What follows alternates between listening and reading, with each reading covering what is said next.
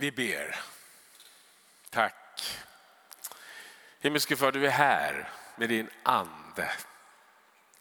Tack att vi får sträcka oss emot dig, bjuda in dig i våra liv. Tala till oss, led oss, älska oss Herre. Vi överlämnar hela gudstjänsten i dina händer. Amen. Jag tänkte jag skulle börja med en liten anekdot. En sak som hände här på morgonen. Jag skulle ha söndagsskola för vuxna. Och så hade de gjort om lite grann så att man fick hämta maten där uppe så fick man sitta där nere och äta. Det tog ganska lång tid. Och så blev det en liten kö där nere där det faktiskt stod en sån här stor kaffemaskin. Eh, jag fick liksom inte, man fanns inga brickor så man gick där och balanserade med tallrikar och muggar och grejer. Men jag tog kaffet där nere. Och så var det en kvinna framför mig. Och jag är sån att jag gillar att liksom få kontakt med folk. Så att jag sa till henne, undra om det där är gårdagens kaffe. Brr, sa Och sen tittade jag lite närmare så står det med smak av goda beslut. Så läste jag, hur smakar goda beslut? Jag kommer bara på så här, jag tror anden leder oss på olika sätt. Jag som präst, jag hade ju prästgång där, jag vet i alla fall ett bra beslut och det är amen. Och då, då skrattade hon till och så frågade hon, vad är du präst? Ja, jag är präst i Klara. Ja, vi är från Örnsköldsvik och vi tänkte faktiskt gå dit, men det är ju ingen gudstjänst förrän ikväll. Jo, det är, det är det faktiskt. Det är klockan elva. Är det det? Ja, och det är faktiskt jag som ska vara där och, och predika. Ehm, ja, men då ska jag försöka komma. Och hon hade en grupp med sig. Lyckades du ta med dig dina kompisar? Räck upp handen. Ja, välkomna! Och välkomna ni alla andra som är här, särskilt ni som är här för första gången. Det här var bara en liten kort inledning för att uppmuntra oss att ta vara på de tillfällen Gud ger. Kyndelsmässodagen. Det är lite konstigt ord det där. Eh, vad betyder det? Ja, det kommer av ett gammalt svenskt ord som heter kynda som betyder tända ljus. Och det engelska candle, stearinljus eller kandelaber, det, det har ju med ljus att göra. Så det här är en gammal ljusmässa som har firats faktiskt sedan 300-talet. Temat är uppenbarelsens ljus. Eh, och man kan ju absolut hålla med om att både Symeon och Hanna i templet fick uppenbarat av den helige ande att det lilla barnet var Guds Messias, Israels tröst och inte vilket barn som helst. Och de är ju där liksom i rätt tid och får vara med om att förmedla eviga sanningar till oss alla. Det är 40 dagar nu sedan Jesus föddes. Och de levde i det gamla förbundet under, den, eh, under det förbundet som Jesus skulle uppfylla, fullborda, avsluta. Så räknades man som oren de 40 dagarna efter förlossningen. Det är också prövningens tal, talet 40. Så det var säkert lite jobbigt för Maria att vara isolerad. Men det som är fint med prövningar, det är att Gud kan vända det till någonting gott. Och vi kan ju tänka oss att det här blev en alldeles utmärkt tid för lille Jesus att knyta an till sin mamma. Det är viktigt. Hon kunde ha odelad uppmärksamhet på Jesus. Se till att han fick all den kärlek och näring han behövde. Infektionsskyddet blev starkt. Och så skulle man nu fira att hon återigen kunde komma till Guds hus. Det kallas ju också för Maria kyrkogångsdag. Nu skulle det offras, man offrade efter förmåga. Här handlar det om två turturduvor eller unga duvor. Och sen någonting viktigt. Jesus skulle avskiljas för Guds räkning. De förstfödda skulle avskiljas för de tillhörde Gud. Jag är övertygad om att det finns förstfödda också här i kyrkan idag. Bar dina föräldrar fram dig och avskilde dig till Guds räkning. Nu ska jag säga, det här gäller inte bara i det nya förbundet, förstfödda, det gäller alla. Jag tror vi ska kunna få göra någonting fint redan nu. Vi ska få överlämna oss själva som en frivillig handling, avskilja oss själva för Guds räkning. Vågar vi göra det? Ska vi blunda? Himmelske far, ni får säga efter mig. Himmelske far, tack för att du har gett mig livet. Med alla dess möjligheter. För att du ville låta din kärlek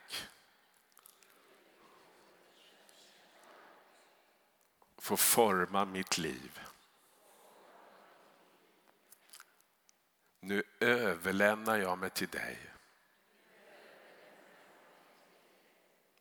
Jag avskiljer mig själv för din räkning. Jag erkänner att jag från den här stunden tillhör dig.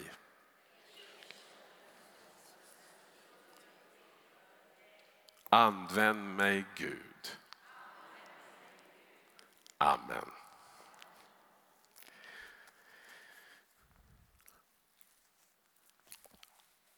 I templet fanns, som vi har hört, en gammal man som hette Symeon. Det betyder bönhörelse. Och vi läste att helig ande vilade över honom. Kan du se den gamle Simon i templet? Det finns en berömd målning av Rembrandt när han redan har börjat förlora synen och ser lite suddigt. Men han lyckas ändå framställa Symeon i det halvdunklet som att han har ändå absolut klart ljus i blicken. Symeon som har blivit gammal har släppt allt som splittrat all stressen. Och det är nog det som är hemligheten till att anden kunde vila över honom. Han bara är, går omkring, lever inför Gud, umgås med honom. Han satte sig liksom vid Guds sida och vilade. Visst är det fint att kunna ha en ordlös gemenskap med någon som du tycker om och känner väldigt väl. Det behövs inte en massa prat. Det är viktigt i ett avseende. Men när vi har kommit varandra nära, då är det just närvaron vi söker. Det kan vara så fullt av tröst och glädje och vila. Att få bara liksom sätta sig, sjunka ner bredvid den man älskar och sitta tillsammans eh, en kvart alldeles tystad. Det hade Simeon gjort många gånger. Väntat och längtat. Och i den ordlösa gemenskapen med Gud, där han lyssnade, fick han vägledning, visshet och vishet. Är det här någonting som du behöver? Vägledning, visshet och vishet. Det här är för dig och mig också. Det här livet är för dig och mig. Nu sitter han där och så förstår han. Stunden är inne när min Messias ska träda fram. Tänk att jag fick vara med. Men han rusade inte iväg och gjorde sin egen grej av någonting som Gud hade gett honom. Utan han lyssnade färdigt på vad Gud hade att säga. Och det som han sen bär fram, det är en absolut världsnyhet sprängstoff för det judiska folket. De hade gått och bara tänkt på sig själva som Guds utvalda folk. De hade brytt sig ganska lite om världen omkring. Men Gud bryr sig om alla människor. Och han säger, mina ögon har skådat frälsningen. När han har tagit upp Jesus i famnen som du har berett åt alla folk. Ska vi säga det? Alla folk. Ett ljus med uppenbarelse för hedningarna. Uppenbarelse för hedningarna. Det är precis det som sker nu. Du som gammal god och kär hedning blir upplyst av Guds ord i detta nu.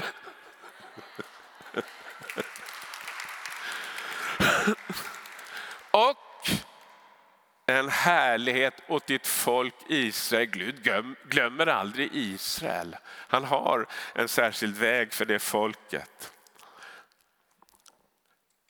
Simeon befinner sig alldeles i lindan av Guds mäktiga frälsningsmanöver här på jorden. Planen tänktes ut för eoner sedan, innan världen blev till så utvaldes vi i Kristus Jesus till att tillhöra Gud. Men det var nu här på jorden som räddningen skulle ske. Och det hade börjat för ungefär tio månader sedan. Och kom inte och säg något annat. Vad var det som hände tio månader innan kyndesmässodagen? Då kom den helige ande, precis Martin. Då ängeln Gabriel talade till Maria och sa helig ande över dig. Den unga kvinnan ska bli havande. Gud helgade befruktningsögonblicket genom att han själv lät sig befruktas. Förstår ni vad jag menar? Gud har helgat embryostadiet, fosterstadiet spädbarnsstadiet, småbarnsstadiet, skolbarnsstadiet, tonårsstadiet, studentstadiet, unga vuxenstadiet, medelåldersstadiet och stadiet som tillhör de årsrika. Kan vi inte komma överens om att börja säga årsrika? Jag har mött äldre personer, de gillar det, de tycker det är mycket roligare än att höra gamling hela tiden. Det kan väl vara ett sätt att hedra och liksom uppmuntra. Kära årsrike vän. Why not? Gud blev människa. Det är det stora mysteriet. Och vi behöver förstå vikten av att vörda, att hedra, att akta människolivet i hela processen som behövs för varje människa. För du kan inte komma och säga, nej det skedde ingen befruktning, men jag blev till ändå. Utan befruktning hade du aldrig varit du och så vidare. Jag vill bara säga det, för jag tror det behöver sägas. Vi tappar annars bort liksom vad som är sant och blandar ihop det med en massa lögner. Det handlar om respekt och kärlek för människan som skapades till Guds avbild. Och jag sa att Gud har helgat alla åldrarna och de förs nu samman i templet. Det lilla spädbarnet, Maria kanske 15 år, Josef kanske 30. Han var ju betydligt äldre. Och sen har vi då de, de här Simeon och Hanna. Hanna som betyder nåd förresten. Världsnyheten är att frälsningen gäller alla folk. Alla ska få del i det här. Men det kommer också att kosta ett väldigt högt pris. Så Symeon förbereder Maria på vad som ska hända med hennes son. Hon säger, detta barn ska bli till fall eller upprättelse för många, ett tecken som väcker strid.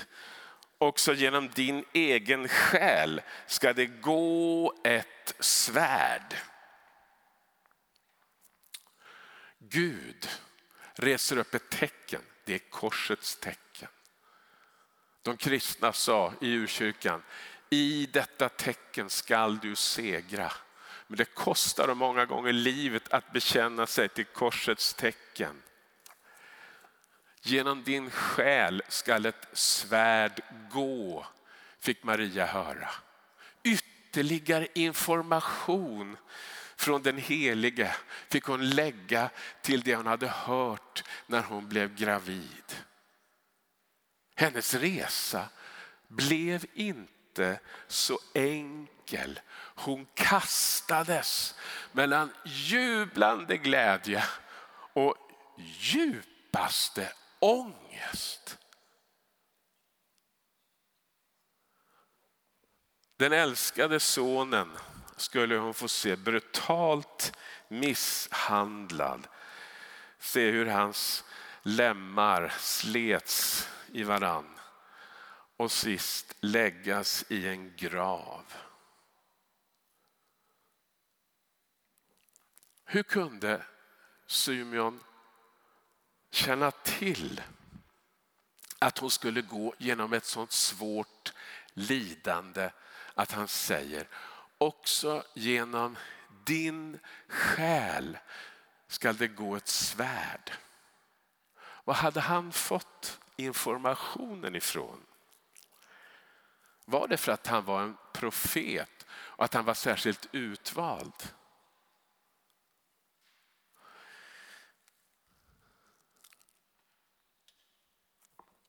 Jag tror att vi inte ska sätta människor på piedestal.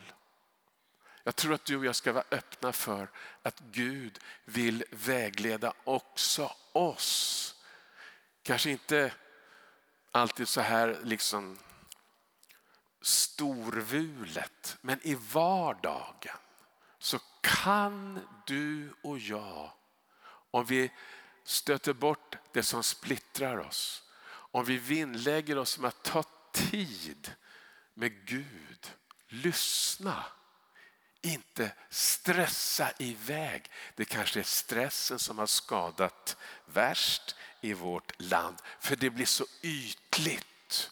Och vi hinner inte ransaka oss själva så att våra egna ambitioner får falla till marken och Guds kärlek och Guds tankar får bli stora och fylla oss. Då blir vi mycket mer generösa.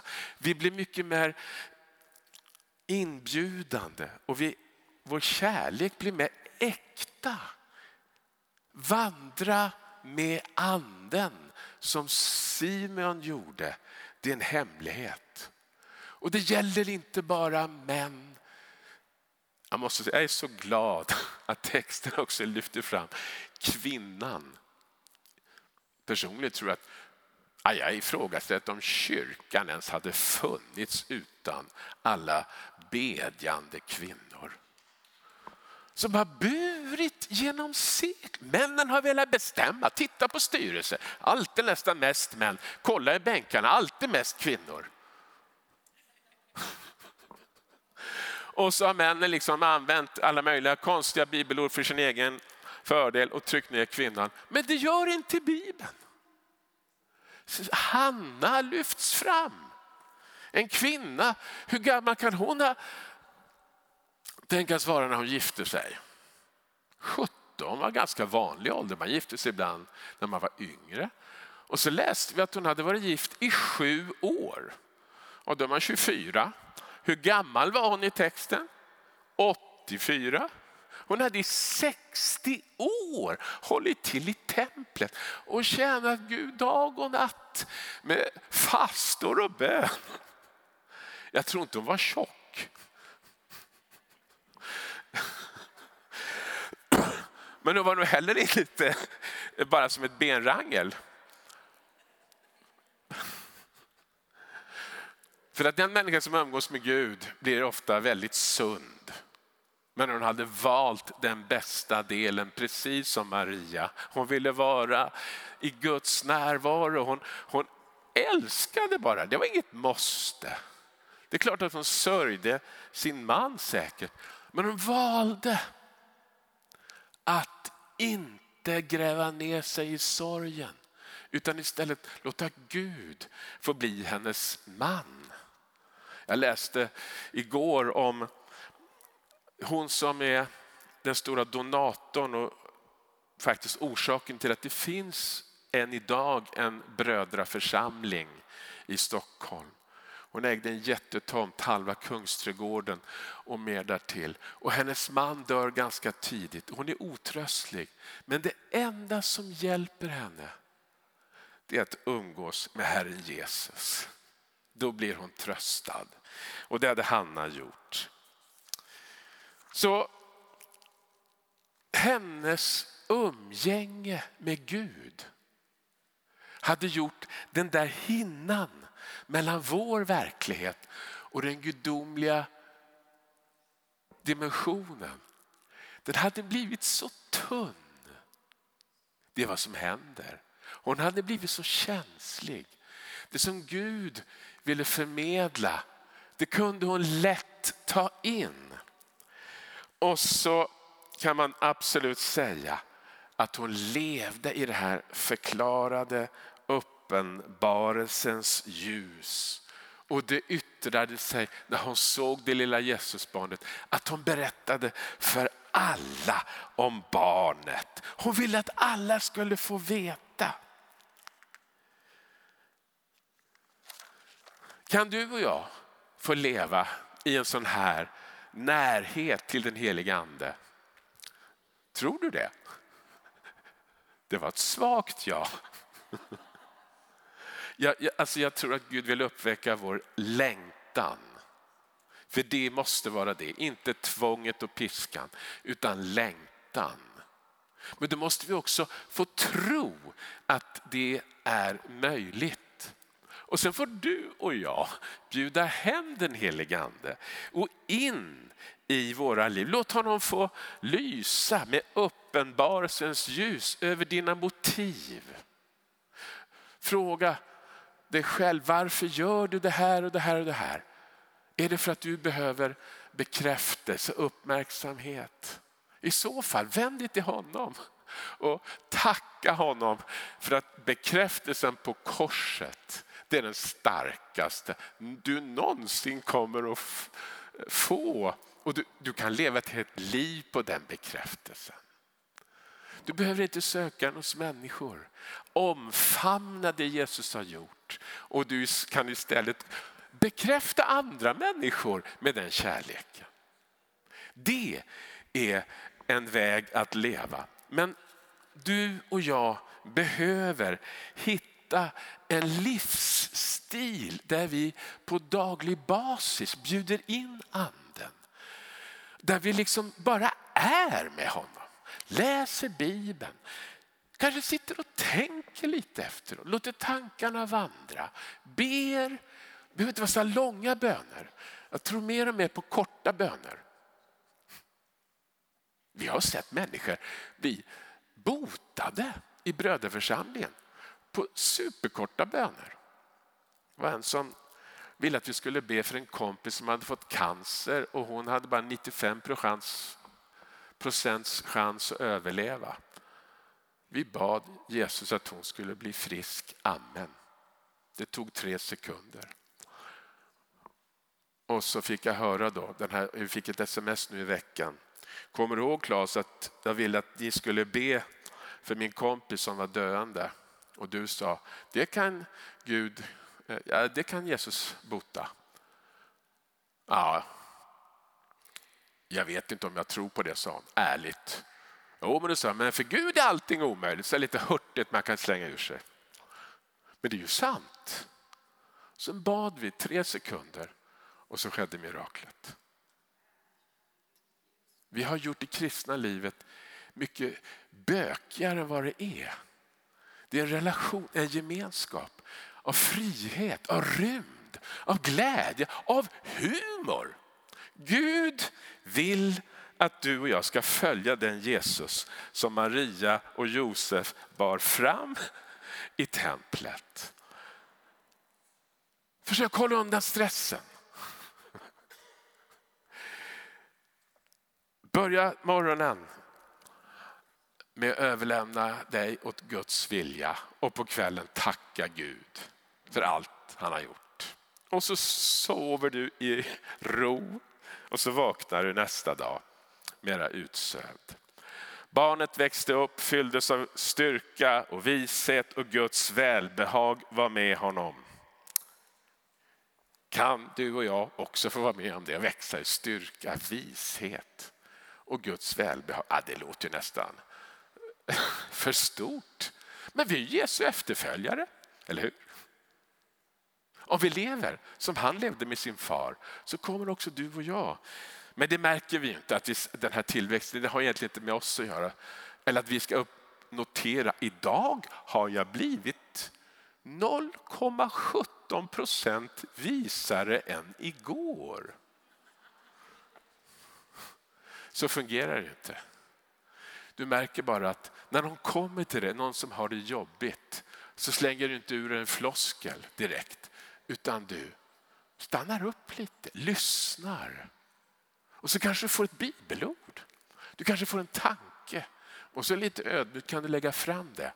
Och så märker du att ja, det där var Guds visdom in i en svår situation. Så tror jag att visheten fungerar. Om du är villig att leva på ett avspänt men nära sätt till den helige ande så kommer han att utkristallisera det bästa ur dig. Så låt oss nu lämna över våra trasiga, splittrade liv till honom än en gång.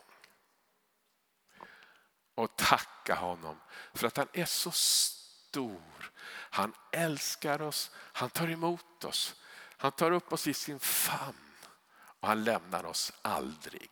Amen. Låt oss be. Tack för de här fina exemplen på liv med den helige ande som Symeon och Hanna ger. Jag ber dig far att du ska genom din ande prägla allt med Jesu bild i våra liv. Tack för kärleken, för den frid som den rymmer. Tack att du älskar oss mer än vad vi kan förstå. Att du också hjälper oss att älska varandra, att vara tillgivna mot varandra, att akta och uppmuntra varandra. Vi överlämnar oss i din hand. I Jesu namn. Amen.